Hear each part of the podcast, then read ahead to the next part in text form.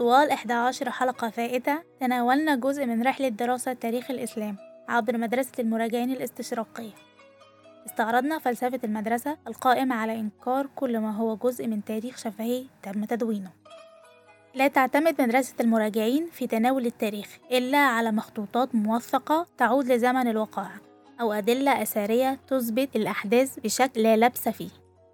لكن لماذا يدرس غير المسلمين من الباحثين الغربيين تاريخ الإسلام؟ يعود الصراع بين الشرق والغرب لعصور قديمة بداية من حضارة اليونان ووصف أرسطو لأبناء الشرق على أنهم عبيد لا يتطلعون للحرية. وبالطبع استمر الصراع فيما بعد خاصة في العصر المسيحي الإسلامي. لكن قبل حوالي 2000 عام أتى نابليون بجنوده يحتل أجزاء من الخلافة العثمانية للمسلمين. ربما يكون من الطبيعي طيلة التاريخ أن يحتل الأقوى عسكريا الأضعف. إلا أنه مع الفترة الاستعمارية في العصر الحالي استخدم العقل كأداة تفوق بدلا من الدين. بمعنى كان في السابق يذهب الجيش المسالم للسيطرة على منطقة غير واقعة تحت حكم إسلامي ولا أهلها من المسلمين. بفكرة أساسية وهي الأفضلية الدينية. أيضا كان ذلك موجود في فلسفة التوسعات العسكرية تحت مظلة الإمبراطورية الغربية المسيحية. فاستعملت الفترة الاستعمارية فلسفة التفوق العقلي لم يعد المؤمن يسيطر على أرض غير المؤمن.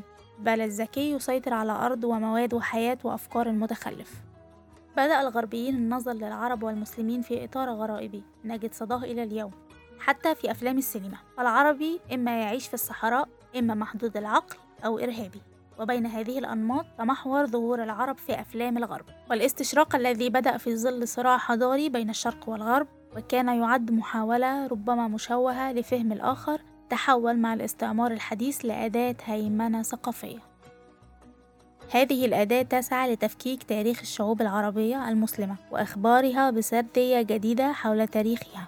وهنا يجب على العربي المسلم أن يتخطى هويته المحلية ويفكر كما يفكر الغربي فيعيد اكتشاف ذاته ولكن من خلال عيون الآخر الغربي. وهكذا كان خلاصة ما وصل إليه أحد أهم دارسين الاستشراق الأستاذ إدوارد سعيد. ومع ظواهر كالإرهاب في أفغانستان وتنظيم القاعدة وتفجير برج التجارة العالمي بدأ التعامل مع الإسلام بشكل مختلف من قبل بعض المدارس الاستشراقية. وتجري محاولة ربما الأقوى في تاريخ الاستشراق تجعل من حور العين في جنة المسلمين عنب أبيض وخمار النساء جمار يطوق القصر. صاحب هذه القراءة امتداد لمدرسة المراجعين.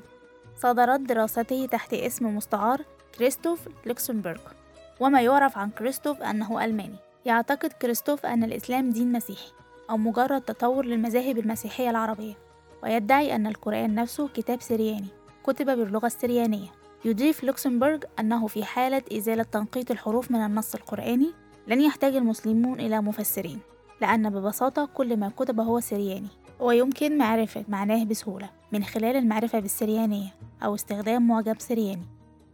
يرى دكتور إبراهيم مالك خبير اللغات الشرقية أن اللغة السريانية والعربية لغات شقيقة تنتمي لمجموعة اللغات السامية كما أن العربية الجنوبية القحطانية والعربية الشمالية المعروفة اليوم نشأت في إطار اللغة الأرامية السريانية المنتشرة في بلاد الشرق. وهناك كتابات سريانية قبل ألف سنة من الهجرة والقرآن أول كتاب يدون بالعربية فمن الطبيعي أن يدون بالأرامية السريانية المنتشرة آنذاك. كما يرجح دكتور إبراهيم مالك استخدام الخط الكرشوني في كتابة أول نسخة للقرآن أي كتابة القرآن بحروف سريانية تنطق بالعربية. بينما جاء تعليق دكتور عدنان إبراهيم أن المبهم من تفسير القرآن ما هو إلا مواضع يسيرة لا تحتاج السريانية في تفسيرها. ويشير إلى أن هناك العديد من الكلمات ذات الجذور العربية في اللغة الإنجليزية. فهل يعقل أن يخرج أحد ويقول أن الكتابات الإنجليزية عربية؟ ويضيف أن تفسير حور العين على أنها عنب أبيض أمر يتكامل مع نظرة غربية مسيحية تعتبر ضمنيا أن الاتصال الجنسي دنس.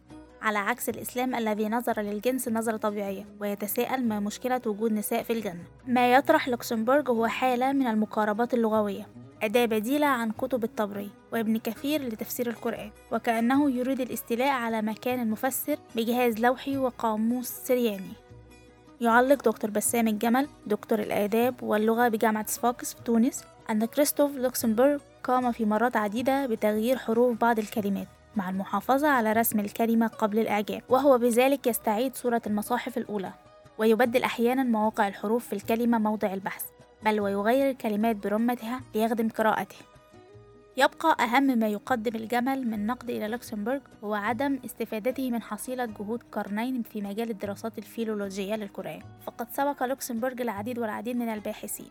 على رأسهم تيودور نولدكه شيخ المستشرقين اللغويين والألماني الآخر كارل بروكلمان الذي كان مدرسا للآداب واللغة في مصر. وتلميذ طه حسين المباشر إسرائيل ولفنسون ولم يلتفت كريستوف كثيرا لجهد وعمل هؤلاء السابقين. كيف جاءت دراسات اللغويين الاستشراقيين على اللغة العربية والقرآن؟ وكيف أثبت لوكسمبورغ أن حور العين ليسوا نساء بل عنب وأن الخمار مجرد جمار؟ والسؤال الأهم هل توجد كلمات أعجمية في القرآن؟ وإن كان هناك كلمات غير عربية فهل يتعارض ذلك مع أن القرآن نزل بلسان عربي مبين؟ كل هذا وأكثر ما قد نجد إجابات عليه في حلقات أخرى من مواسم أخرى من بودكاست تاريخ الإسلام